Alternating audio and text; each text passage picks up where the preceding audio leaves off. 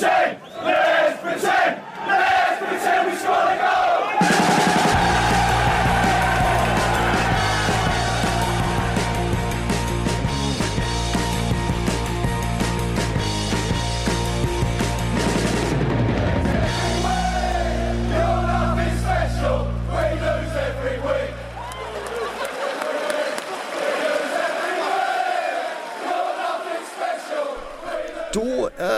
Det tisdag, det är den 31 oktober om någon nu eh, undrar när vi spelade in det här. Det kanske är någon som sitter om ett år eller någonting och lyssnar i efterhand och eh, funderar på när var det de spelade in det här? Det kanske står i metadatan kring avsnittet också. Inte vet jag. Mitt namn är Patrik Syk, med mig har jag Kalle Karlsson och Frida Fagerlund. Det blev en, eh, en udda inledning på den här eh, Premier League-podden. Eh, välkomna får vi hälsa er. Eh, Kalle, jag vill att du är mycket närmare mikrofonen. Då ska jag flytta närmare. Ja, Vi har ju fått lite klagomål på det där med ljudet. Ja det vet, men alltså det är ju hopplöst när ni svajar fram och tillbaka så här. Håll er nära mikrofonerna. Nej men jag försöker sitta stilla. Ja, jag vet. Jag ska hålla mig still idag. Ehm, full omgång och eh, en, kanske eh, en riktigt stor match i alla fall. Men jag vet inte om den levererades som en sådan, i alla fall inte inledningsvis. Eh, vi ska väl prata om det mesta här tänkte jag. Eh, och vi kan väl börja där då. Eh, Manchester United-Tottenham, du såg ju den här Kalle, du skrev om den. Ehm, och jag Det skrev var ju- inte om den men eh, jag såg den. du såg det, du skrev inte om den. Fan vilken koll jag har alltså. Jag trodde du gjorde det. Bra inledning, måste vara fem plus idag. Ja. Eh, det är ju ingen här som hackar på mig längre. Jag är så van av att det ska, att det ska hackas på mig. Det, jag får fritt spelrum och nu ser ni hur det går. Eh, första halvleken på Old Trafford var inte mycket att hänga granen, i alla fall underhållningsmässigt. Eh, men vi var ju inne på det Kalle tidigare med den här defensiva 5-3-2 uppställningen och eh, ja, Ja. det blir inte mycket fyrverkerier då. Nej jag börjar bli allvarligt oroad faktiskt. Eh, Om vi, man följer en liga och söker underhållningsvärde och, och så, så alla som följer Allsvenskan har ju sett AIK, eh, hur de har spelat i år och Det är väldigt, väldigt baktungt att spela på det där sättet och det blir väldigt låsta matcher på det eh, sättet när man kliver hem med hela laget. Så här. Nu är det ju topplag efter topplag som har börjat spela på det här sättet. Det vi har City börjar säsongen med 5-3-2 eh, I deras fall är de ju i grunden så offensiva så där kanske man kan tala om 3-5-2.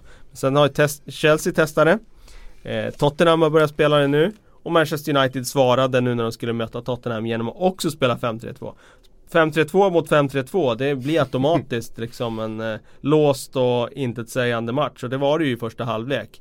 Eh, och jag tyckte det syntes att United inte visste riktigt hur de skulle hantera det nya systemet för deras del. De började ju bra första 5-10 minuterna men sen tyckte jag att Tottenham var bättre i eh, ja, större delen av halvleken faktiskt. Även om det såklart även för dem är svårt att bryta ner United när de ställer sig med 10 man på egen plan, halva fembackslinje. Det finns inte så mycket ytor att spela på. Eh, så eh, ja, det var ju egentligen ganska länge en 0-0 match. Sen i andra tycker jag väl att United på något sätt lyckades När matchen som alltid en match öppnar sig i andra och det blir lite större ytor så var det de som skapade de farliga chanserna.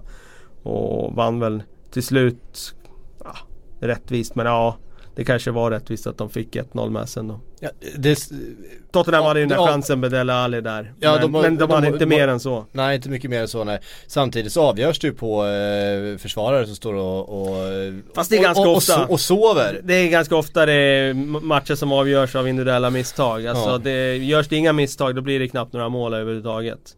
Så att eh, just det ja, var väl ingen jätteskräll. Men det är klart att de sover i, vid den där frisparken. Ja dels, ja, det, känns som ganska många där eh, som står på fel stä- ställe och eh, Alderfereld förlorar ju den där nickduellen lite väl enkelt också. Han får ju faktiskt pricka ner den där eh, på Martial. Eh, ja, första halvlek, det enda som hände som jag eh, kommer ihåg det var att Phil Jones krockade med de Gea och, och eh, gav Cissoko en gratis chans va? Mm. Jag tyckte mm, just Mourinho efter matchen eh, var eh, var lite speciellt, alltså han, han gör ju som han ofta gör, att han gärna vill försvara sig och sådär. Eh, för att någonstans så är ju United-supporterna, de, de förväntar ju sig att se alltså, underhållande fotboll på Old Trafford. Så har det alltid varit på något sätt. Och, nu börjar väl Mourinho känna av det också uppenbarligen för annars hade han ju inte stått i mixade zonen där och, och, och liksom försvarat sig så stenhårt som han, som han faktiskt gjorde. Nu fick de ju med sig tre poäng här och då blir ju, då blir ju liksom efter spelet ett annat, men hade det blivit en ny 0-0 match här, mm. så det kommer en 0-0 match mot Liverpool när man inte försökte överhuvudtaget och så 0-0 igen då med en oerhört defensiv och des, alltså eh, negativ eller pessimistisk eh, fotboll verkligen sådär. Mm. Då tror jag det hade börjat knorras ganska rejält. Men nu får man tre poäng och då, då blir ju ljudet ett annat. Ja verkligen, det är små marginaler som, som vi alltid brukar liksom trycka på. Det här är ju enorm skillnad. Alltså jag tror att det hade blivit en eh, rejäl debatt kring, i, liksom, i United-leden kring är det så här laget ska spela? Är det, är det här vi har landat nu med Mourinho som för, alltså, tränare? Liverpool på bortaplan, det kan man förstå på ett annat sätt. Ja, man kan men, köpa det lite mer. Men på hemmaplan så här, om man nu då ska försöka hänga med Manchester City däremot som ju spelar på raka motsatta hållet. Det är ju bara fyrverkerier mm. liksom. Ja, det blir väldigt stor kontrast där när du har grannen som eh, ja, rivalen om titeln just nu liksom, mm. som spelar på ett helt annat sätt. Men just också att Mourinho började ju eh, liksom förändra sig och blev mer offensiv. Och nu är han tillbaka på den här pragmatiska fotbollen. Så jag tror att 0-0 i den här matchen, då hade det blivit en riktig debatt. Mm. Och nu 1-0, då, ja, nu är det inget snack. Utan nu är det bara 1-0 och 3 poäng in på ett sätt så kan man ju ändå förstå Mourinho, alltså någonstans så måste det här grunda sig i att han är oerhört rädd för att bli förödmjukad eh, på hemmaplan. Så, så, måste det ju vara, annars hade han ju inte ställt upp så här mot de lagen som man kanske har extra mycket respekt för. Å andra sidan så eh, om han nu söker någon sorts eh, legendarstatus i United, alltså likt Sir Alex, det är ju i princip omöjligt att nå upp till hans ja. nivå såklart. Men om han ändå vill vara där och snudda vid den storheten som han har så är inte riktigt det här rätt, rätt sätt ändå. Eh, det kanske finns en förklaring också till att Mourinho inte stannar jättelänge i alla klubbar för att börjar han stå så här i mixade zonen och han försvarar sig på det här sättet och, och han, han, slängde väl någon pik där om Lukaku också att han eh, var upprörd över att vissa United-supportrar har uttryckt kritik mot honom. Något som jag inte har uppfattat egentligen. Nej det var men... väl den här matchen mer som mm. de börjar visa Ja men precis. Eh, men när man står så, jag, jag, tror inte det är rätt sätt att få United-supportrarna på sin sida. Nej. Um... Hur mycket spelade resultatet förra omgången när förlusten mot Huddersfield in i det taktiska valet här? Att han I kände att, att formen inte var där, att eh, grunderna inte satt eh, i den matchen. Eh. både det och det faktum att Tottenham har börjat spela sitt defensiva spel som är väldigt omställningsbaserat.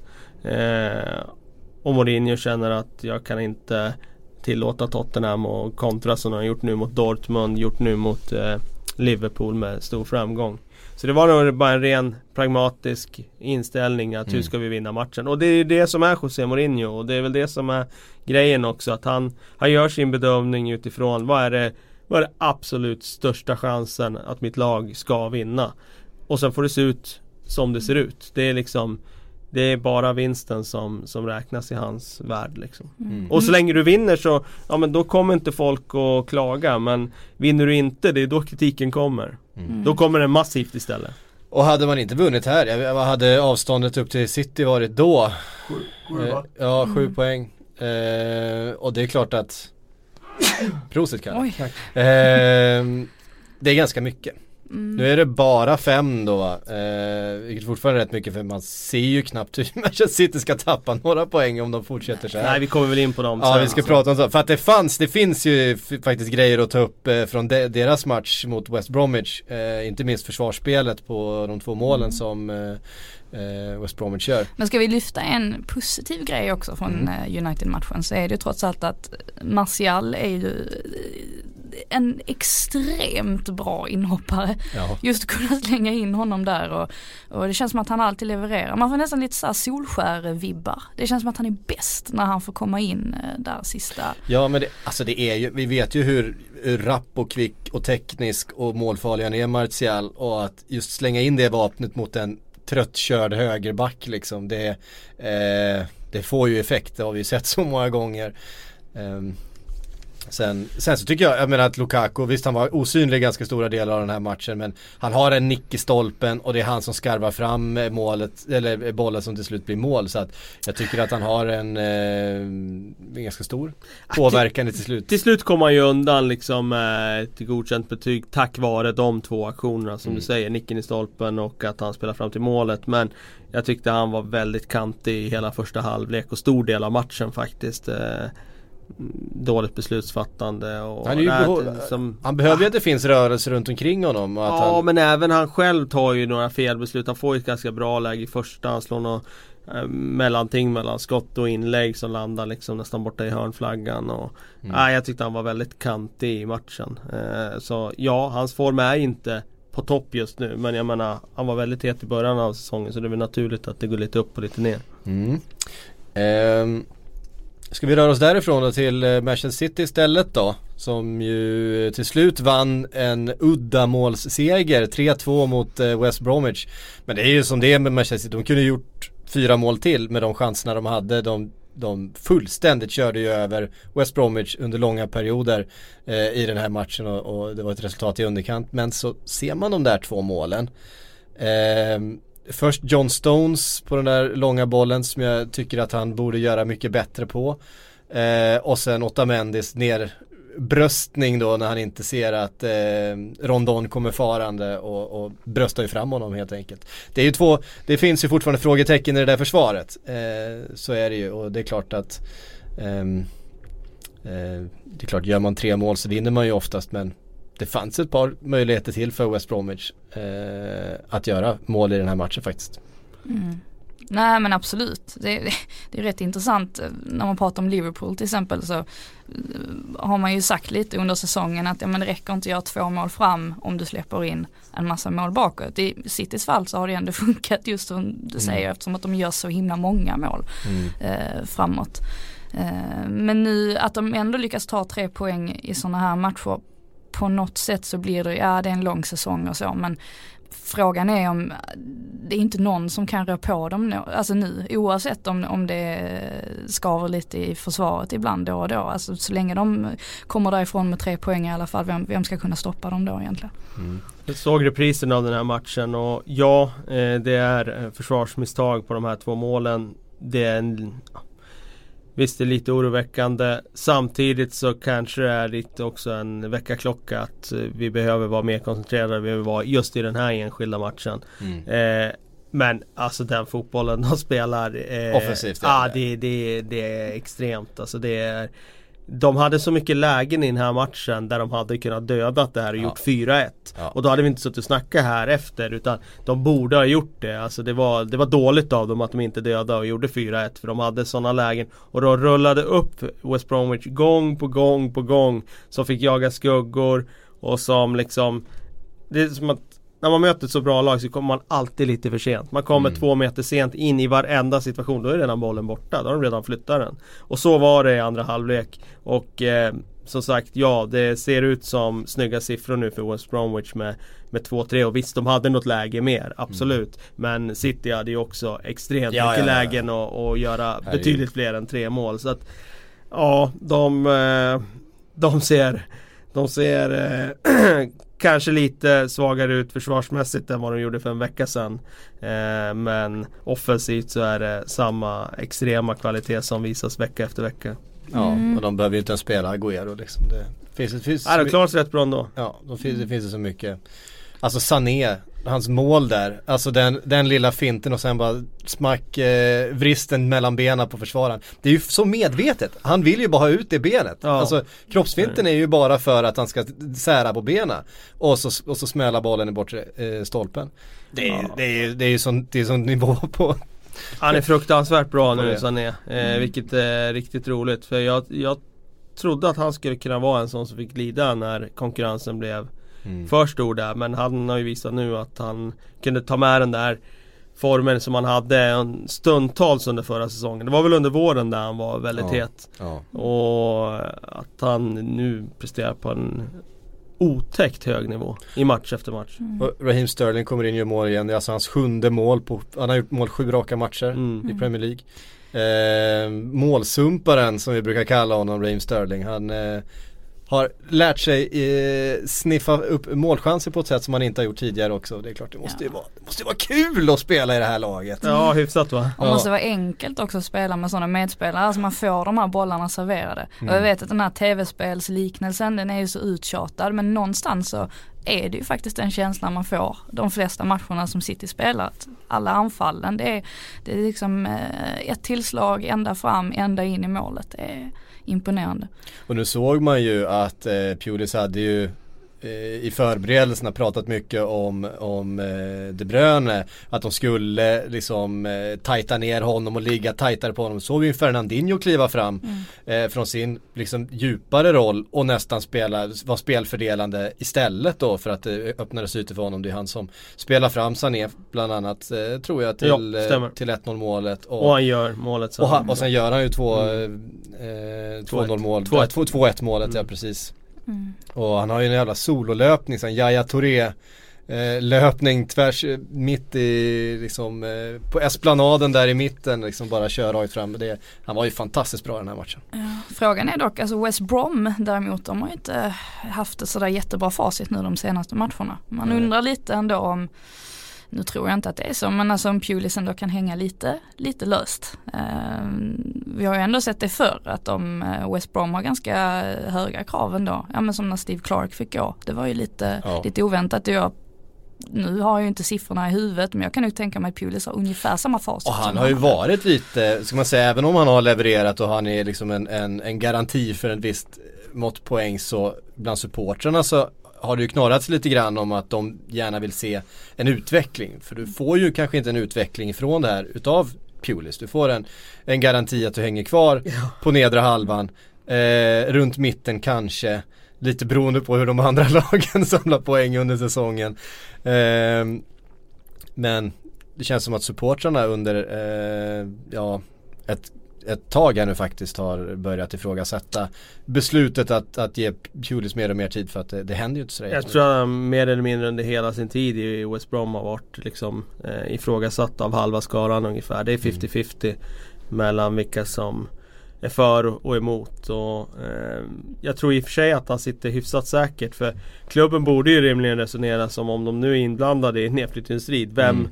Vem är det man kallar in i en nedflyttningsstrid? Ja. Jo det är ju han. Mm. Så att eh, det finns ju ingen anledning att plocka bort en tränare som är jättebra på att få ett lag att stanna kvar. Så jag tror han får vara kvar men eh, Samtidigt är det ganska jämnt i den där delen av tabellen. Två segrar så är de ju uppe på övre halvan igen så att Mm. ehm, och sen tycker jag säga? inte de har så himla bra lag alltså. alltså. Jag tycker inte man kan vänta sig så mycket. Jag tycker att de överpresterar år Mm. efter år När de hamnar där de hamnar. Jag tycker att Tittar du materialmässigt, de ska vara på de sex sista platserna i tabellen. Mm. Vad är det du brukar säga? Krisdoktor? Brukar Ja, kalla. precis. Jag tycker om det begreppet. Det är väldigt eh, användbart. Det Mm. säger, eh, beskriver väldigt eh, mycket. Ja, eh, det är ju han och Big Sam. Ja, precis. Eh, jag, jag, jag ser en krisdoktors framtid i en eh, Sean Dyche också. Att han, eh, när han väl har lämnat Burnley och börjar Mm. sin resa runt i fotbollsengland kommer vara en sån där man kallar in när man behöver rädda kvar ett eh, Crystal Palace eller Han borde rimligen kunna ha den befattningen med, sina, ja, med sin filosofi, Han har en sina li- kvaliteter. liknande filosofi ju, som Mm. eh, de två. Jay Rodriguez gjorde mål igen. Ja, Det brukar vi gilla att notera. skulle Eh. SA-15 verkligen ha släppt honom kan man Nej, då fundera kan, över. det kan man verkligen fundera för de har ju ingen som Nej. kan göra mål. Även att eh, de, ja hur blev det nu i helgen nu? 1-1. 1-1 blev det Mm. till slut ja. Och det var ingen anfallare som gjorde mål då utan mittfältaren Steven Davis. Just det. Den här gången heller faktiskt. Det är ju eh, Jag vet inte om deras anfallare hur många mål de har gjort den här Nej det är inte Inga många alls, alla? Nej det är inte många i alla fall. Jag tror Charlie Austin har väl gjort något där i början, gjorde han inte det? Ja, jag tror han petade in någon boll. Det är nog bara han. Men... Eh, Gabbiadini har gjort något. Nej, han har Nej, han har inte gjort något och Shane Long har inte gjort något. Ehm, mm. Shane. Long, ska vi in på det ämnet igen? Du som hyllar honom. Jag Ja, gillar Shane Long. Gabbiadini har väl gjort mål. Han fick väl sätta en straff där. Ja, Ja precis, var det i ligan då? Mm, Ja. Det fasen. Eh, ja det kanske det är. Jag ska kolla upp rätt, det. Frida, du har nog rätt. Jag ska kolla upp det. Eh, Så vi har... Men visst en straff är ju en straff så att det ja.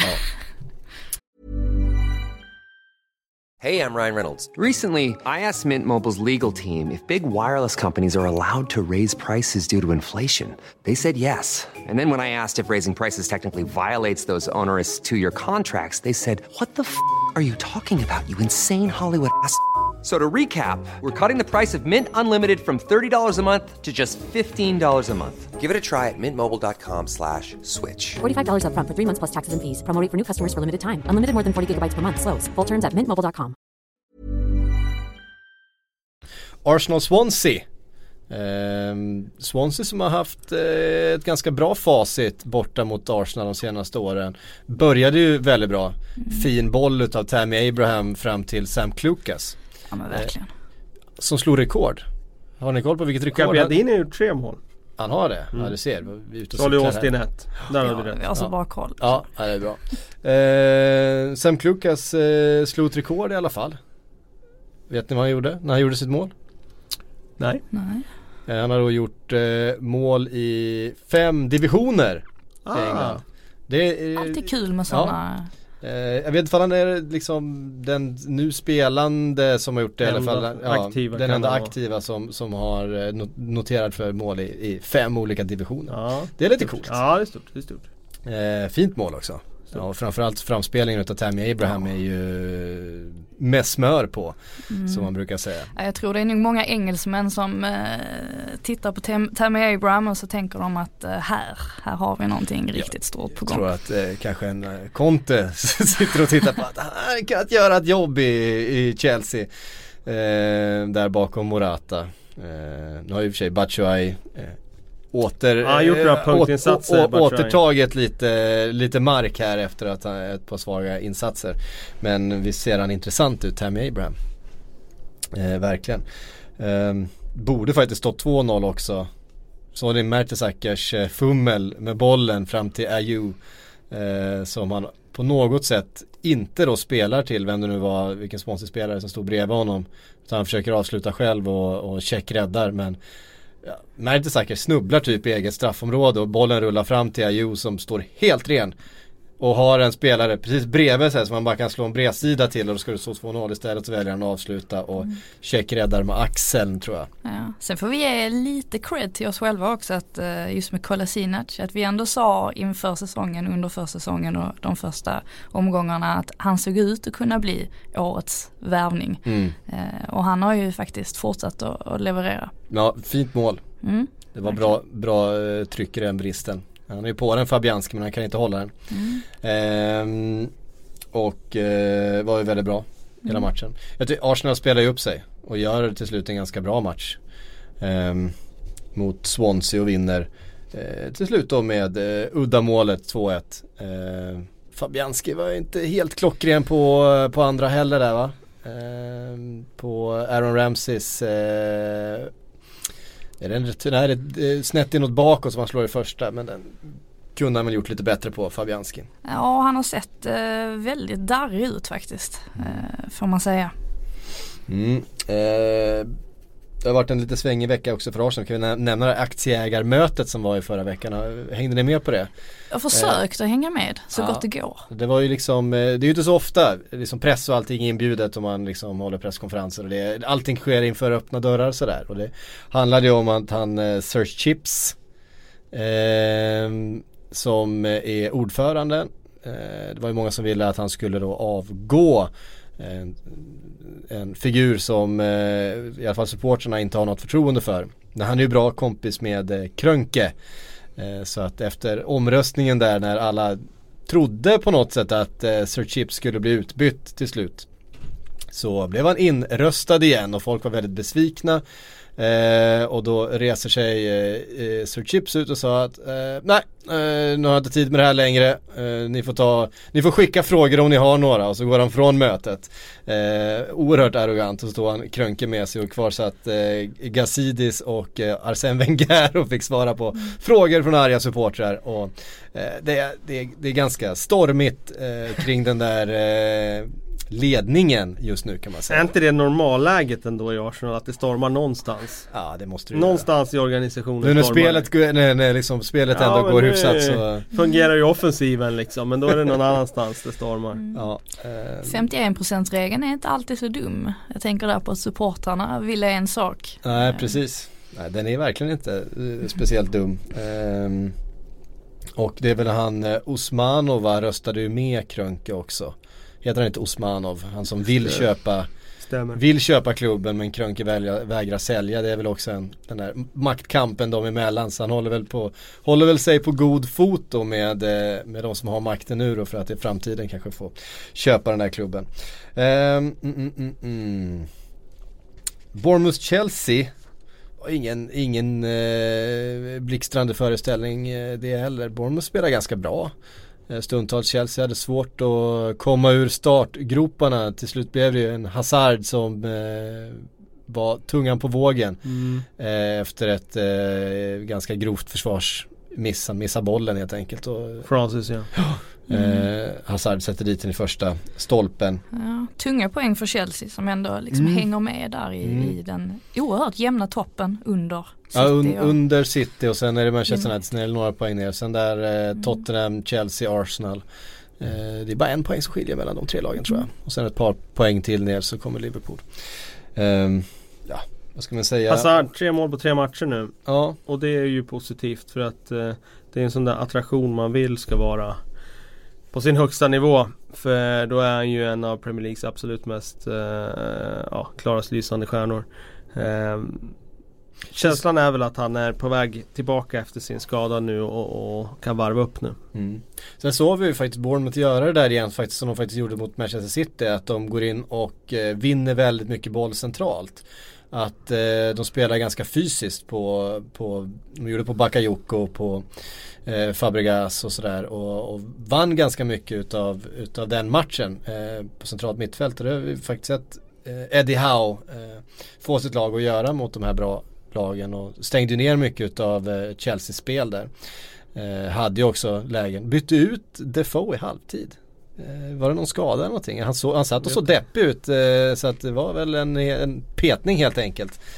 Men eh, Mm, ja de börjar ligga lite risigt på det nu får man säga. Det är Mm. ganska många matcher tycker jag som de ändå har spelat bra och sen så har de inte fått med sig någonting. Och det blir väl någonstans alltså rent mentalt som måste vara tufft och alltid hela Mm. tiden tappa poäng fast man känner att ja men vi gör ändå en godkänd insats. Eh, får se om de spottar upp sig men nu är det så jämnt där nere i, i botten också så att det krävs ju någonting extra ändå för att man ska kunna hänga kvar. så hedersvärda förluster mot topp 6-lag är inget man vinner ligan på om man eh, underpresterar mot de där lagen man måste slå hela tiden.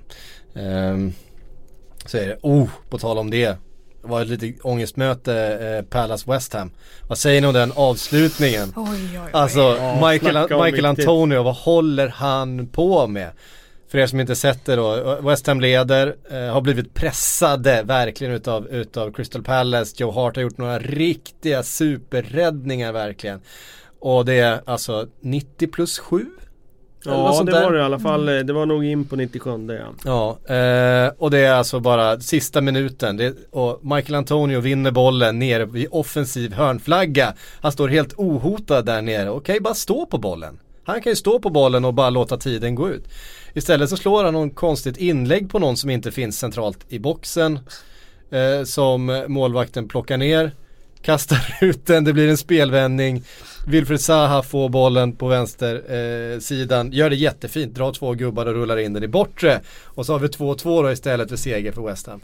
Ehm, Ja det var ju det där som Ginola gjorde i kvalet till VM 94 när eh, hävdade att han skulle ha fängelsestraff för det han gjorde. Eh, det vill säga han kom ner vid hörnflaggan och han skulle också slå något inlägg eller något sånt där helt omotiverat. Eh, Bulgarien vände i spelet eh, och, och gjorde mål och Sverige gick till VM. Eh, det här var ju ungefär på samma nivå faktiskt. mm. Alltså jag tycker det är Jag blir förbluffad varje gång spelare på den här nivån Gör så extremt enkla misstag Mm. Ja, han kan bara stå på bollen så har de vunnit matchen. Ja. Va, va, va, va, vad är det för, alltså det är Ja. klart det man har sprungit i 95 minuter och, Jo. och man är trött och så vidare Jo, men någonstans ju också måste så du ha spelat tillräckligt det- mycket fotboll det, Ja liksom. exakt, för, för det absolut sista du ska göra det är ju att dra det där inlägget. Då är det ju bättre att bara lägga ut den till inkast i så fall. För då vet Ja. du så här, ja, men då kan du låsa fast spelet där nere. Ja. Man kliver fram så har de ett inkast nere vid egen hörnflagga. Ja, liksom, då blir det inte någon kontring. Men när folk gör När folk på den där nivån gör den där typen av misstag då blir man ju Ja, man får ju gråa hår liksom. Ja, och alltså Bilic efteråt, han såg inte ens arg ut, han var bara "Nej, Jag vet inte vad han gör. Nej. Han kan bara stå på den så vinner vi matchen. Nej, det, ja, han, han visste inte hur han skulle Nej, obegripligt. Men det var en eh, underhållande andra halvlek i alla fall. Eh, jäklar vad de pressar på eh, Palace och eh, Joe Hart gör ju en, eh, en, en galen match egentligen. Några riktiga superräddningar Han är verkligen. tillbaka lite nu ju.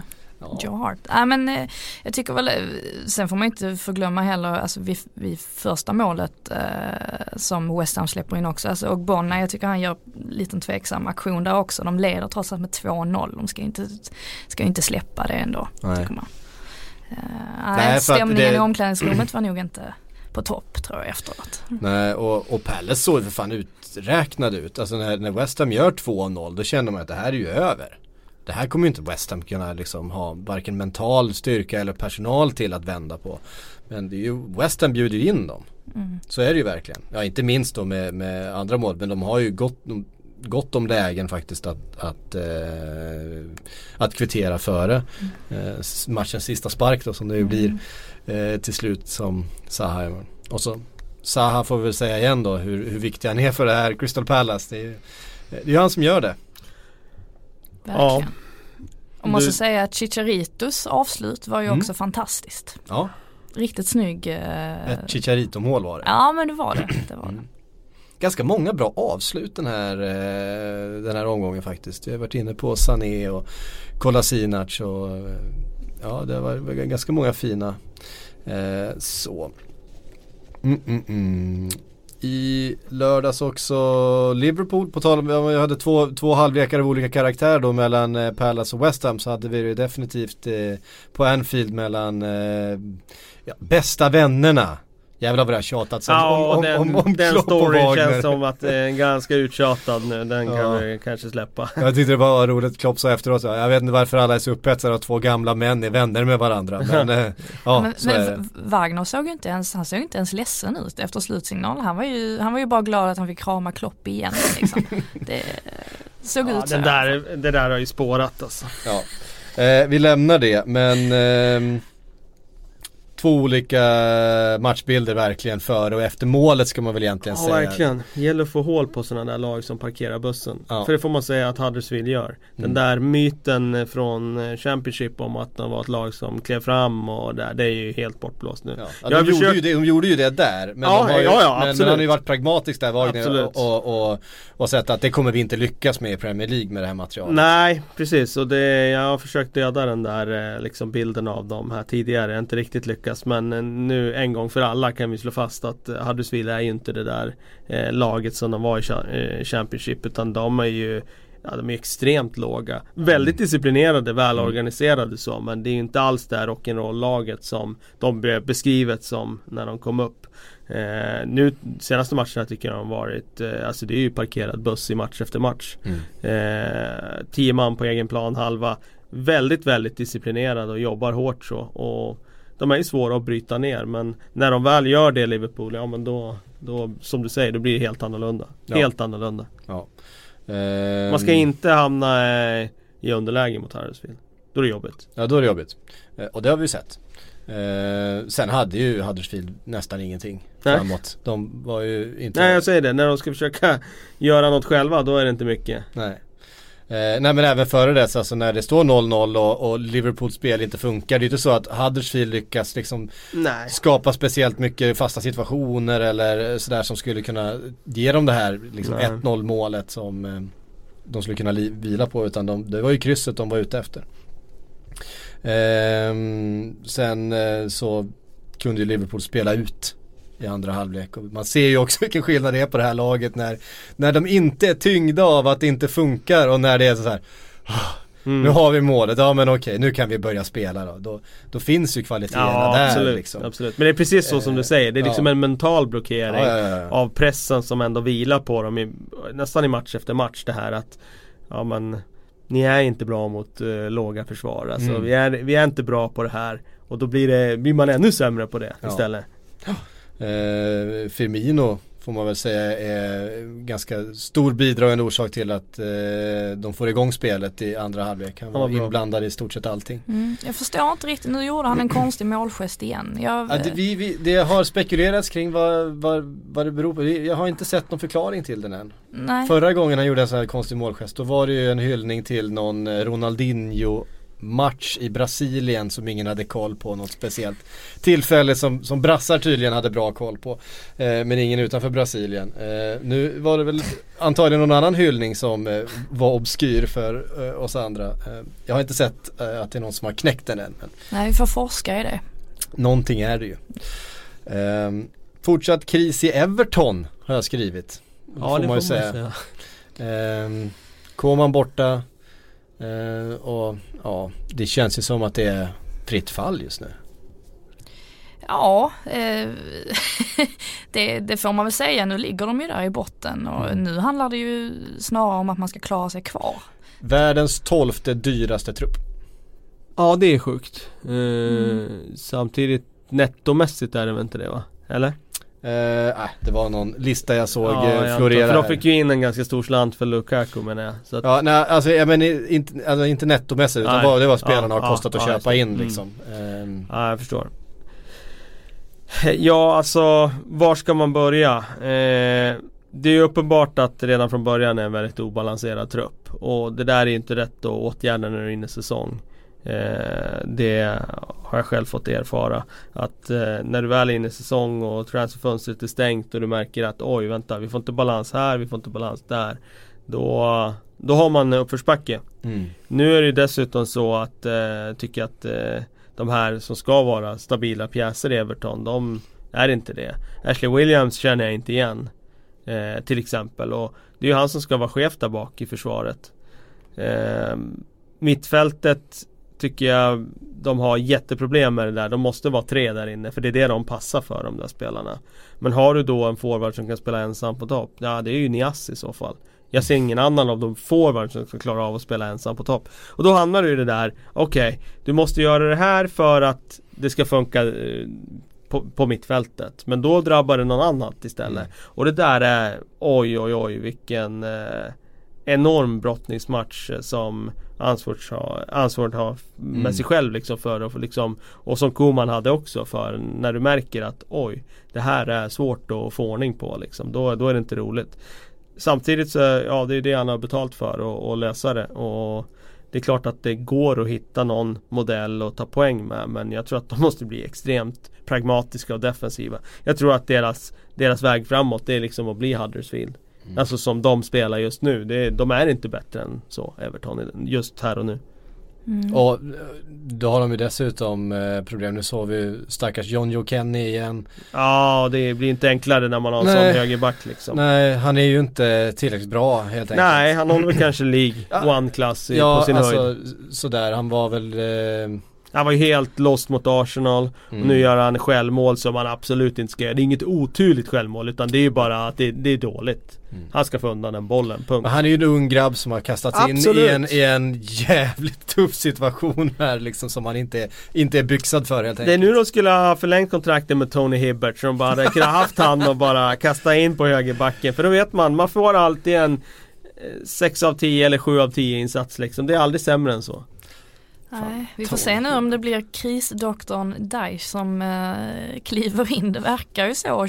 Inom 24 timmar skulle de tydligen eh, komma med något förslag. Ja. Eh, eller liknande. Men Alltså. Everton-fansen verkar ju inte jätteexalterade. Nej men alltså man har gått ifrån Alltså jag tänker med juni här med Koman, med satsningen som skulle göras Optimism.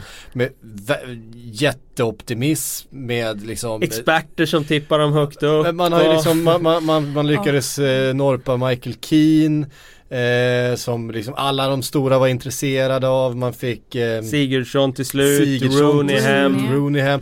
Alltså det var ju så mycket Ja. bra. Man hade en ungdomsverksamhet som bara skulle liksom ta nästa kliv. Det var, det var Davis och det var Calvert Lewin och det var Lukman och Ja, och sen också sådana här som Schneiderlin som har kommit in, gjort en bra vår och, och liksom, ja men nu ska han ta ytterligare liksom steg. Och nu ska det liksom in eh, en Sean Dyche som krisdoktor i det här och ner och sätta två stycken täta two Rock, banks of ja. four liksom som bara ska skicka bort bollar. Ja, alltså jag tror, får han frågan nu, alltså på allvar, så eh, för honom personligen så har jag full förståelse om han tar det. På något sätt så kan man ju inte se Daesh i en, i en eh, riktigt eh, stor klubb, men Everton är ju ändå precis under där. Eh, så att om han tar chansen, eh, det, det, det förstår man ju helt klart. Sen är ju frågan vad, vad kommer Everton få ut? Alltså de kommer ju inte, de kommer, kommer inte kunna ta de här stegen som de eh, så gärna vill. Det känns ju som att Daesh är ganska begränsad i, i, i sitt Nej, de sätt slår sig spela. antagligen inte in topp 6 med Sean Dyche vid rodret. Det, Sen har det ju snackats om inte. Ancelotti också, kom upp där på tapeten igen. Sean Dyche eller Ancelotti? Sean Ja. Dyche eller Ancelotti? Vem ska man välja? Det är tufft Ja men jag tror också att det är, de var inne på det, Carragher där, att det finns ju någon Han var ju slags... sugen eh, också bara, eh, förresten. Carragher, han sa Själv? Ja, jag, jag tar det sen. Ja okej. ja, det vore spännande. Det vore häftigt. Men ehm, det finns ju säkert någon slags eh, ägarstrid här också kring, eller maktstrid här mellan Ken Wright som vill ha någon brittisk Mm. liksom ägare för han vet att just här och nu då är det en brittisk tränare som kan lösa det här. Mm. Medan då Moshiri, nya ägaren, såklart vill ha ett större namn för att ta dem vidare ut liksom Mm. i den stora världen på sikt. Mm. Men vad är det som behövs här och nu? Jo men då är det ju en krisdoktor som ska lösa krisen här och nu för jag tror att det här eh, Alltså när man börjar på det här sättet då finns det risk för att det, alltså, det är svårt att vända trender på, på det här. Då kan man ligga i, i botten och kriga runt det där strecket resten av säsongen. Mm. Om det vill sig illa. Och när Ja. de har så mycket problem i truppen också som jag säger liksom med Ja men det här, vi har gjort inne på det tidigare. De har ju egentligen tre spelare som vill spela i nummer 10 positionen. Och det, jag menar Ja, då För jag menar, måste att, du kompromissa någonstans. att slå sig in där topp 6 det är ju liksom kört för den här Ja, ja, säsongen. det, det är Men de är ju fortfarande kvar i ett Europa League. Eh, Ja, och ska spela där. Alltså det finns ju fortfarande möjlighet att göra en bra säsong här. Alltså rädda, ta en mittenplacering i ligan. gå långt i Europa League. och sen gå, gå långt till, men ta sig till en semifinal i Europa League. Då, Kanske långt i FA-cupen. Ja, Ja.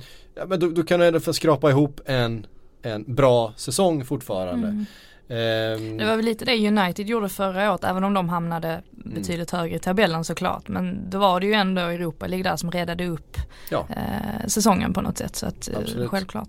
Men hade jag varit Everton nu Då hade jag ändå tyckt att Eddie Howe var, hade varit ett spännande namn. Mm. Dels han, Han, är, han skulle kanske ha potentialen kanske att göra mer. Ja precis. Och sen tror jag att han eh, skulle vara rätt man för jobbet också.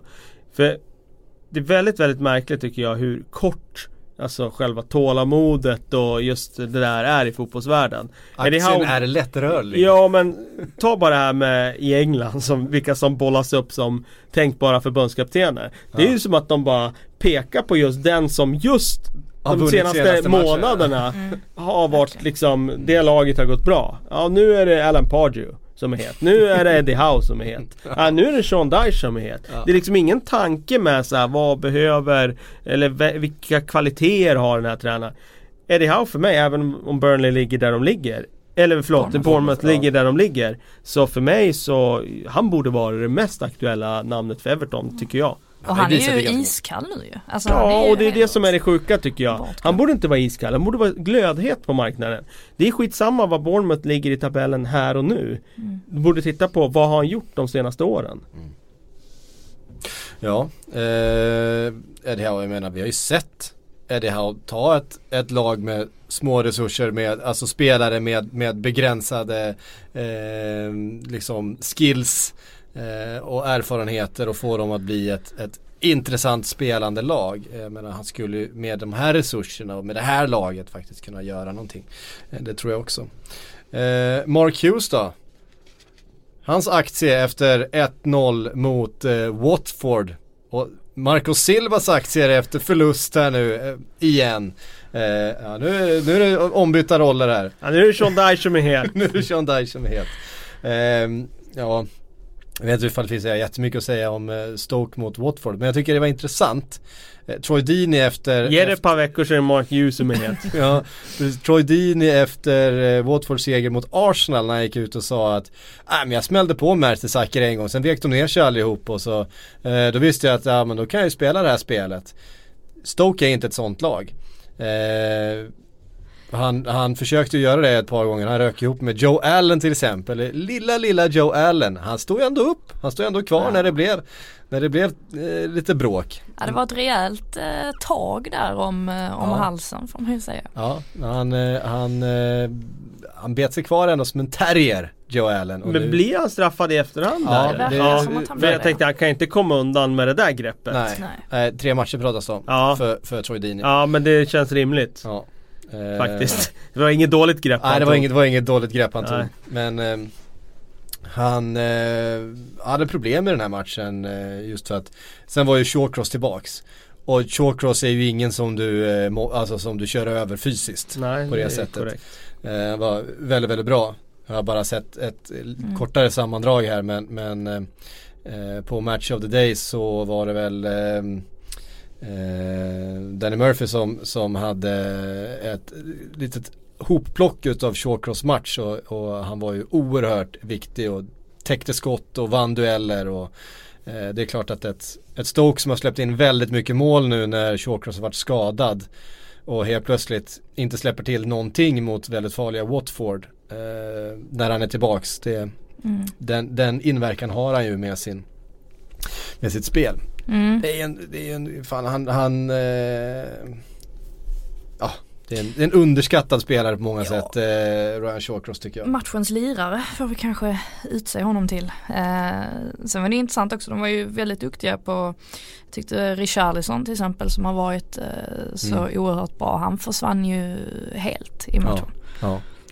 Eh, de stod upp, eh, stod upp bra Stoke som ju också vi har haft ett litet sådär eh, kris eh, lite kriskänslor kring i alla fall. De har släppt in framförallt oerhört mycket mål och det, det känns ju inte så, så likt dem. Men det är klart att mm. har man en shortcross tillbaks så spelar det ju eh, väldigt stor roll. Eh, vi tar lite frågor då. Eh, Hugo Alfredsson undrar hur viktig är Kane? Han är ju typ världens bästa striker nu. Var skulle Spurs sluta om han var borta resten av säsongen? Oj, jag tror han skulle sluta sexa. Faktiskt. Jag tror att det är så stor skillnad. Jag driver ju den där tesen att en spelare betyder extremt mycket. Om man tittar på Tottenham nu så ja, han gör mycket mål och sådär men framförallt tycker jag att eh, det är hans allround-spel bara som gör att alla andra blir mycket bättre runt omkring. Eh, han är ju bra både felvänd och rättvänd och utan fart och med fart och på alla sätt. Så att det är ju helt omöjligt för dem att ersätta honom. Och det tyckte jag man såg i den här matchen. Mm. Ja de har ju inte så mycket att slänga in heller. Det är ju ränte. Det mm. och... Ja de testar med sån nu och ja, det, det, får en annan typ av kvalitet. Men uh, Jorente kom ju in och det var ju inget lätt läge för honom att komma in i det läget men uh, det, det är bara att konstatera det är en av världens bästa anfallare. Ja. Och vem, vem ersätter en sån spelare liksom? Nej. Ja, det är möjligen i City man kan ersätta en sån och ha en lika bra Ja de har, de har, de har tre, sidan, liksom. tre sådana eh, Och egentligen ingen som är lika bra som Harry Kane skulle jag Ja men om du tittar påstå. på Real Madrid, inte ens ja. de har ju en striker Nej. att ersätta med liksom bakom så Barcelona har inte heller det liksom så att eh, Det är klart att Tottenham inte kan ha det liksom Nej, Nej så är det eh, Andreas Johansson skriver, vad har hänt med en gång i tiden Premier Leagues bästa vänsterback Leighton Baines? Vad håller han för klass idag? En gammal favorit som det är väldigt tyst om numera. Var väl aktuell för större klubbar en gång i tiden och det, han har blivit ja, gammal. Ja, det är väl bara kort, så. Kort och gott. Han är väl född 85 om inte jag minns helt fel va? Nu ska jag kolla upp det bara för det. Är han inte ännu äldre än så? Han är kanske är 83 förresten. Ja, jag tycker det 83, låter mer, 84. 84, mittemellan. Eh, och det är klart att 33 vast, ja. har haft en del skador också ju. Eh, han har ju fortfarande en fin fot ju. Ja men det är det, jag tycker det är det som är skillnaden just som du säger med skadorna där. Han har inte riktigt samma fart. Alltså, mm. Han var inte så att han var supersnabb men han var lite kvick förut och han kunde spela mm. och gå iväg och Så, eh, liksom, framförallt när han hade PNR framför sig. Han hade ju Mm. otroligt bra kombinationsspel där. Det har de ju inte längre. Och ja, han är bra på att svinga in frisparkar och inlägg och sådär. Men jag tycker allround-spel är inte så bra längre, nej. Och det är Det- nog en åldersgrej. Det finns någonting vemodigt i det här att se de här spelarna som har varit väldigt, eh, ja men levt ganska mycket på sin speed och, och har varit eh, eh, väldigt bra på det sättet och sen så blir de lite äldre och så går det långsammare och långsammare och så är det som att de sakta liksom fasas ut. Det är ja, men lite Rooney där, eh, lite samma grej. Det, det är någonting sorgligt över det. Ja. Han är, man gillade ju också Leighton Baines för att han hade den här lite mer avslappnade attityden. Han var lite, alltså med sin moptop och med sitt liksom eh, eh, sitt popintresse. Han gick hellre på popklubbarna i Liverpool än eh, köra en extra träning och det fanns någonting gammalt fotbollsromantiskt med hans framtoning. Eh, Det som, fanns det nog. Som, som gav liksom ett, eh, ett eko lite grann tillbaks till eh, gamla fotbollshjältar i, i attityd. Ehm, Tänk vad man alltid romantiserar det, fotbollsspelare som har andra intressen Jag tänk- fotboll. Det slår mig nu att kanske han skulle tagit de där extra träningarna så hade han inte varit så här långsam vid 33. Eh, kan, finnas en, eh, kan finnas ett samband där, jag vet inte men jag håller med om att det absolut var en utav ligans bästa vänsterbackar. Kanske den allra bästa under ett par säsonger. Ehm, och att eh, han var ju aktuell för, för flyttar men valde att stanna. Bayern München bland annat Ja. var ju väldigt mycket rykten om ett tag. Mm. Men eh, Han valde att stanna i sitt Everton som han ju har tillhört hela livet. Um, mm, mm. Oskar Ström skriver Arsenal, eh, offensiven börjar klicka men eh, och med det menar att den börjar eh, sitta tror jag. ja. Eh, men vad är fel med defensiven? Är Mertesacker bra nog för en trebackslinje? Så han är ju Han hade ju sina problem Ja. i eh, Han är ju bättre i trebackslinje än vad han är i en eh, fyrbackslinje. För att han får ju lite mer täckning där. Men det handlar ju också om hur mittfältet skyddar den där backlinjen. Nu se, såg inte jag matchen i helgen så jag vet inte vad han lyckades eh, med då. Men eh, eh, han är bra nog för en trebackslinje för att det underlättar snarare för honom. Men är han bra nog för Premier League i, i år? Det här är hans sista säsong. Mm. Tveksamt. Det, det, som sagt det kan gå snabbt ut för när Mm. åldern slår till. Jag vet inte om det har gjort det för han i det här fallet. Om Men, Ayew hade satt den bollen Ja, när han, då när han s- utskälld. När han snubblar i egen straffområde liksom och man undrar vad han pysslar med. Då hade han ju varit hängd för det hade varit 2-0 och man hade kanske förlorat matchen i alla fall. Bara kanske räddat ett kryss då. Ehm, nu, nu, nu gör ju Ayew inte tillräckligt bra som sätter den bollen men, men eh, det är ju de där små marginalerna igen för hur en spelares status är. Ja, sen har de inte så många andra val heller egentligen om de nu vill spela trebackslinje. Och jag tycker det är just att sätta upp Kolasinac, alltså som wingback istället, tycker jag nog är ett bra, bra beslut ändå. Han fick väl spela lite där i den trebackslinjen i början på säsongen. Eh, men jag tror nog att de har mer användning för honom som, som wing, wingback. Mm. Eh, vi har fått en fråga här från Rickard Olsson. Newcastle är nu öppet till salu. Inte första gången direkt. Nej. Eh, hur stor är risken för en Qatar-situation? Fick de stryk igår mot Burnley, den matchen har vi inte nämnt. ja då drog sig Eh, Katarina ur stryk mot Burnley då. Ehm, det, men det kom ju, för de var ju det där konsortiet då med hon som jag inte kommer ihåg namnet på, kvinnan i, i spetsen eh, med Qatar-pengarna eh, var ju på matchen då mellan eh, Newcastle och Liverpool. Och då kom det ju rykten om både om att eh, Liverpool och Newcastle helt plötsligt var till salu till det här eh, Qatar-konsortiet. Ingenting har ju kommit ur det än så länge. Eh, men det är klart att det finns en, en sån situation för ett Newcastle som sitter på en stor arena, sitter på en stor fanbas och det ena med det andra.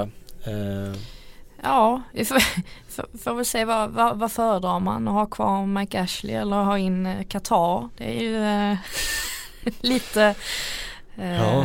Lite som att välja mellan pest och kolera på ett sätt. Eh, ja, ja, alltså man kan inte bli mycket mer hatad än Mike Ashley i Newcastle. Så att eh, lite oljepengar från Qatar kanske de kan leva med. Samtidigt så är det ju inte eh, moraliska drömmen heller för ens fotbollsklubb kanske. Men å andra sidan kanske man får spela Champions League och se en massa världsstjärnor i sitt lag. Det finns ju.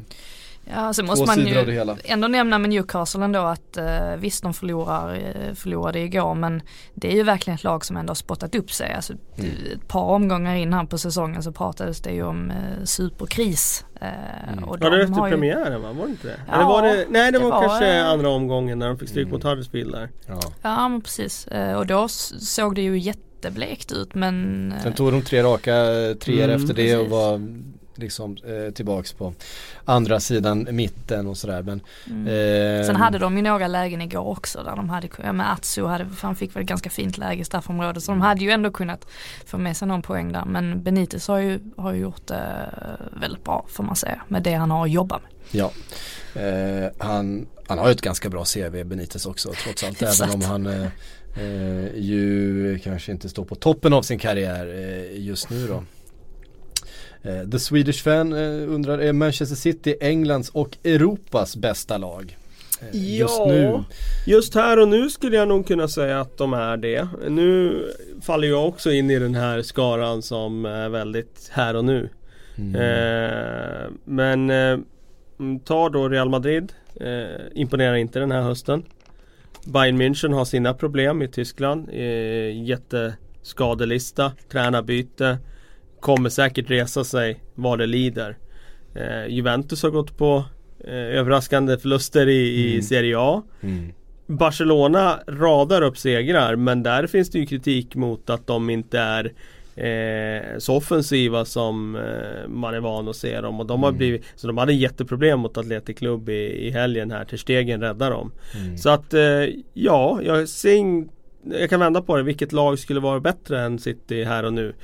Eh, jag kommer inte på något men det innebär ju inte att de bara kan, kommer dansa igenom Det Champions känns som League det och vinna. är PSG i sådana fall men Ja det är PSG i så mm. fall, just det. De glömde jag bort i all hast. Det är PSG skulle det kunna vara. De har ju Eh, också dippat lite, haft eh, Ja. lite 0-0 matcher och sådär så de har ju inte heller Mm. varit eh, Men jag, jag tyckte man fick en hel del svar i Citys möte med Napoli. Sättet de Ja. spelar ut dem, särskilt där i första halvlek då. Ja. De Napoli som ju har varit så bra Ja. i Serie A. Ja liksom. Precis. Där trodde man ju att ja, men Ja. nu kommer det bli hyfsat jämnt ändå och det var ju eh, fan, helt fantastiskt. Sen släppte de ju in Napoli där i andra halvlek lite onödigt men eh, sett överlag så var det ju en Mm. helt fenomenal insats. Det var, nej, sjukt att se. Eh, ja, Johan Julin skriver här på tal om röda kort förra veckan. Vi har fått en del förslag på vem som skulle kunna slå rekord på, på röda kort för övrigt. Neym- Neymar, Ja, hör och häpna. Eh, står ju alltså på nio röda kort redan i sin karriär. Helt han får ju osannolikt lite alltså. snedtändningar här och där. Eh, och en, Ja. massor med gula kort. Och så var det någon som tipsade om Naby Keita som ju kommer spela i Premier League nästa säsong. Han har alltså tagit tre röda kort på sina sju senaste matcher. Ja det är sjukt. Eh, först så blev han utvisad då i Bundesliga, sen åkte han iväg med landslaget och blev utvisad. Så kom han tillbaks från eh, avstängningen i Bundesliga och blev utvisad direkt eh, i matchen mot Bayern München där. Så att nu eh, är han avstängd igen. Kanske måste fila ner eh, de där dobbarna lite grann innan eh, nästa säsong. Om, eh, ja, eller ska han inte göra det så kan han sikta på det här rekordet då. Eh, och ta en jävla massa röda kort helt enkelt. Det var ju någon omgång i Premier League där vi hade jäkla massa röda kort. Eh, det var Men väl de första va? Var det inte Ja det var nu, ja om det var andra omgången kanske. Det var ju där när Arnautovic Just armbågades det. och eh, vem var det med? Robson Kanu armbågade väl också och åkte ut. Det var väldigt många armbågar. Eh, Filip Nyman skriver, vilket topplag skulle behöva Peter Crouch? Barcelona. Ja. Vem vill inte ha Peter Crouch? Det är, Ja det är en, det är en, kan vända på det, det är en mycket bra fråga. mål gör han ju i alla fall. Mm. Det får man ju ge honom. Ja men vem skulle behöva en Peter Crouch? Ja, Eh, Everton kanske- behöver ju ja, Everton göra kanske. mål framåt. Det är Så. så, synd att kalla dem ett topplag just nu. Ja, Nej, nej, Eh, men, ehm, topplag.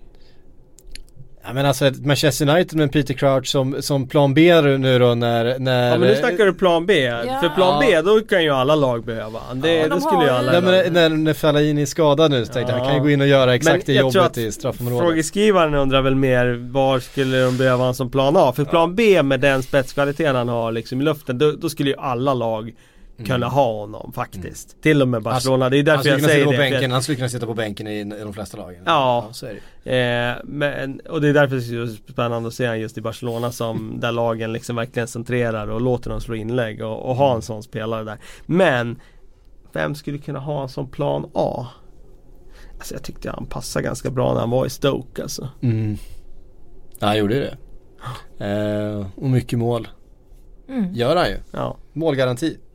När, när han var som bäst där i Stoke då tyckte jag han eh, Då passade han bra. Han där. hade en väldigt, väldigt bra säsong i, i Portsmouth också. När han Ja, var länge där. sedan, ja. ja. Mm. Ehm, Ja, han, jag tror han fick sitt genombrott när han var i Southampton där runt 2004. Då var han glödhet där. var det därifrån han kom till Liverpool? Eh, det kan Jag det ha minns- varit. minns Kan det ha faktiskt varit. inte, Ja men det kan det ha varit. Mm. För han var faktiskt ganska bra i Liverpool också. Mm. I perioder. Sen var han bra i Tottenham dessutom. Han har faktiskt varit bra. Jag kommer ihåg att Både han, eh, i, när Tottenham spelade Champions League där, då var det ju det var ju Crouchy. Crouch, Crouch och Bale och. Modric Jajamän. och van der Vaart som eh, man pratade om liksom. Det är ju ändå en sån spelare som när man sitter där om 20 år och, tänker tillbaka på Premier League kommer man ju faktiskt alltid minnas Peter Crouch. Han, har, eh, han har gjort sig ett namn får man säga under de här åren. Och en eh, oerhört eh, liksom sympatisk eh, människa också. Han gör ju radio Ja okej. annat. Han måste vara, han är ju väldigt rolig. Ja, när man har ett eget radioprogram på, på någon lokalradio tror jag. Eh, där han bara sitter och, sitter och tjötar och svarar på frågor och, Då och driver, driver om sig själv. Det, det brukar Ja. han ha väldigt mycket självdistans. Ja, precis. Um, hade, jag inte, hade det inte varit fotbollen skulle jag väl fortfarande vara oskuld, var det inte det han sa? Mm. Uh, när, Ja. vid någon landslagssamling Han där fick ju frågan eh, vad skulle det vara om det inte var fotbollsspelare. hans eh, karriär är alltså, seniorkarriär är alltså Tottenham, utlånad till Dulwich Hamlet och IFK Hässleholm, det vet vi ju.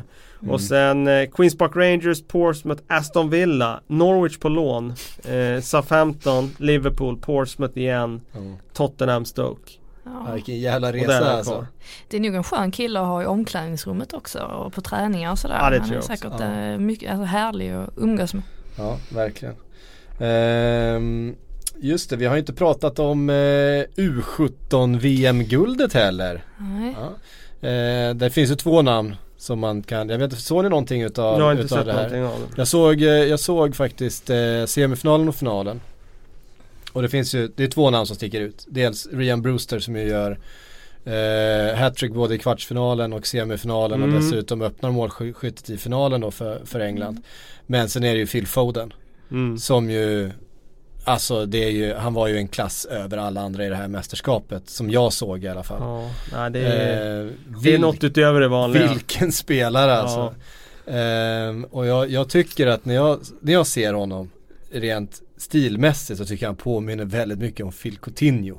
Ja, okej. Alltså det där flytet han har med Inte bollen. bara namnet utan eh, Nej, nej, han har samma tänkte Jag inte tänker på Iniesta när jag ser han Ja men det är lite samma sak, alltså det, det är det där flytet med Mm. bollen, att det, det är som varenda bollmottagning är med en liten kroppsfint som ger honom lite extra utrymme. Ja, Att det ser ut som att en situation är trängt men han, trängd men han flyter därifrån Ja. bara med, med, med enkla rörelser och med, med alltid den här lilla kroppsfinten och sen jättefina fötter förstås och framspelningar och liksom styr liksom Ja. spelet fram och tillbaks och du vet aldrig om det kommer komma en, en enkel boll och hålla igång i rullningen eller om det kommer komma en dödande liksom på en löpning. Mm. Eh, Nej det är bara en tidsfråga innan han är inne och spelar i Citys, eh, alltså inte i elvan kanske, det kommer att ta tid med tanke på hur hård konkurrensen är där. Men han har ju alltså suttit nu, på bänken. han har varit då. med och han har Mm. gjort sina inhopp men eh, jag såg han på försäsongen bland annat Mm. och jag blev överförtjust av det jag såg då. Han är, är en helt otrolig talang och det är så kul att, att England har fått fram en, den spelartypen för de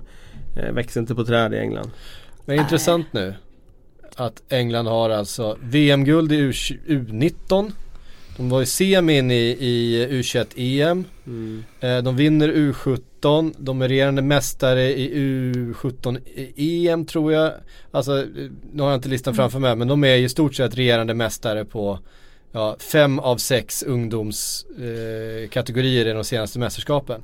Och många spännande spelare. Jag tror Sancho blev väl till exempel hemskickad i kvartsfinal eller inför Mm. kvartsfinalen till exempel. Där har man ju ett namn som kan bli Känns som att han kan bli hur bra som helst också. Men nu, nu har det ju blossat upp någon sorts debatt i, i England igen. Hur ska man ta tillvara på de här fantastiska ungdomsspelarna? De måste ju få spela A-lagsfotboll och så var det någon på The Guardian som kom med ett förslag att ja, men tvinga klubbarna att eh, man måste ha minst två akademispelare i startelvan. Eh, och det är ju så här, ja, Det blir svårt. Det, det blir ju Eh, jättesvårt och var ska ja. man dra gränsen? Ska det bara vara engelsmän då eller ska, Ja, ska man få ha med Det handlar ju jättesvåra också. grejer. Ja. om Men de vill ju väldigt gärna ta tillvara på det här Ja och det finns ju ett väldigt värde för engelsk fotboll att ta tillvara för, på dem också. Men det blir ju också sådär lite grann att någon annan får gärna göra det Så är eftersom, det ju. eftersom eh, det kortsiktiga resultatet också är väldigt viktigt. Så är det ju. Nej det är en Eh. jättesvår grej det där och Premier League är för stort och för uppmärksammat och för mycket pengar inblandat för att egentligen ta hand om de här spelarna. Det är bara ett fåtal av de här som kommer att liksom etablera sig i Premier League trots att de är så framstående på ungdomsnivå. Man ser ju också vad de här enorma satsningarna som de har gjort har Ja, Mm. har du så mycket pengar och slantar in så då har du ganska stor chans att göra något bra. Och Dan Ashworth som har fått den där sportchefsrollen där i förbundet han eh, Mm. Det är ju en skarp kille. Mm. Eh, han eh, har säkert styrt upp det där på ett jäkla bra sätt. Mm. Ehm, Jag tror på att åka utomlands, alltså som nu mm. exempelvis Sancho eh, gjorde, eh, drog till Bundesliga. Jag Erik tror på det i så fall. ja. Ja. Eh, och eh, ja, men jag, tror det, jag tror det är nyttigt för, för en själv också att, att man får, får uppleva, uppleva lite andra typer av fotbollskulturer. Det vinner man säkert otroligt mycket på. Därför man tittar här nu, jag som följer Liverpool och Ryan Brewster, nu är det ju jättemånga som bara, "Fan, in med honom, han måste ju spela liksom. Jag menar, vi har en Dominik Solanke som vann skytteligan i U21-EM. Mm. Eh, och, och, och som blev bästa spelare i den turneringen. Ja. Han platsar inte heller Nej. liksom. Han, han, han har gjort några inhopp och han har gjort det vä- väldigt bra men jag menar Nej, jag menar, vi har en ben, alltså. det finns en Ben Woodburn däremellan som är inne och gör mål för walesiska A-landslaget. Han Ja. får inte heller spela i, i, i A-laget. Jag menar resan dit är folk- jättelång. Liksom. Folk, jag tror många som så här, är bara lite så här flyktigt insatta. De tror att steget är mindre än vad det är. Mm. Det var ju som den här bisarra debatten var liksom att eh, U21-landslaget skulle Ersätta A-landslaget. Ja men ersätta A-landslaget, de skulle möta varandra och folk trodde på fullaste allvar att det skulle bli en jämn match och sådär. Mm. För att just då hade ju de vunnit EM-guld och var Mm. hyllade och hyllade, liksom uppe i skyarna. Men alltså A-lagsfotboll är en helt annan sak än, än uh, ung, alltså. Man har, ju, man har ju ändå förståelse för exempelvis Conte som har varit ganska tydlig med det där att eh, han tycker att eh, nej men de har ju massvis med talanger och massvis med unga spelare som de hade kunnat plocka upp till A-laget men han säger ju själv det att eh, man är inte riktigt redo för Premier League-fotboll på den nivån eh, när man är så pass ung och det, det kan man ju någonstans eh, köpa. Alltså, Det finns också just med Chelsea och alla deras, deras eh, talanger och så här. Eh, just med Ryan Brewster. Han precis som Dominic Solanke kom ju från Chelsea till Liverpool. Okej. Eh, för ett par säsonger sedan. Som 15-åring kom han eh, för att han tyckte att det var för svårt i, i Chelsea att- att ta plats och det var för stort och det var för mycket det var, det var så få som Ja det är fick nog en chansen bra att utbildning att vara där. Men var man kanske ska jättefin. lämna när man är 16-17 sen. Mm. När det börjar bli dags och kanske ta de där första minuterna i A-lag. Sen säger jag inte att det är jättestor, alltså, Liverpool är rätt steg att gå heller. Han kanske skulle gått ner till en ännu mindre klubb egentligen. Det, det, får får, vi, det, får, det får vi väl se. Han har, hans utveckling har i alla fall pekat rätt hittills. Men, Mm. men eh, det är intressant i alla fall och det, det finns så mycket spännande spelare. Och det, alla de här pengarna i engelsk fotboll, förr eller senare måste det ge effekt. De kan inte, alltså det är bara så. Jag, jag, det är min fulla övertygelse om att alla de här pengarna som finns där, det kommer ge effekt till slut. det låter exakt som en riktig engelsman. Den här optimismen som aldrig lämnar dem ändå. Någon dag ska de vara bäst igen. Liksom. Ja, någon dag kommer de vara bäst igen. Det, det, det tror jag faktiskt. Hörrni, tack för att ni har lyssnat. Tack Kalle, tack Frida för att ni kom hit. Eh, vi är tillbaks om en vecka igen.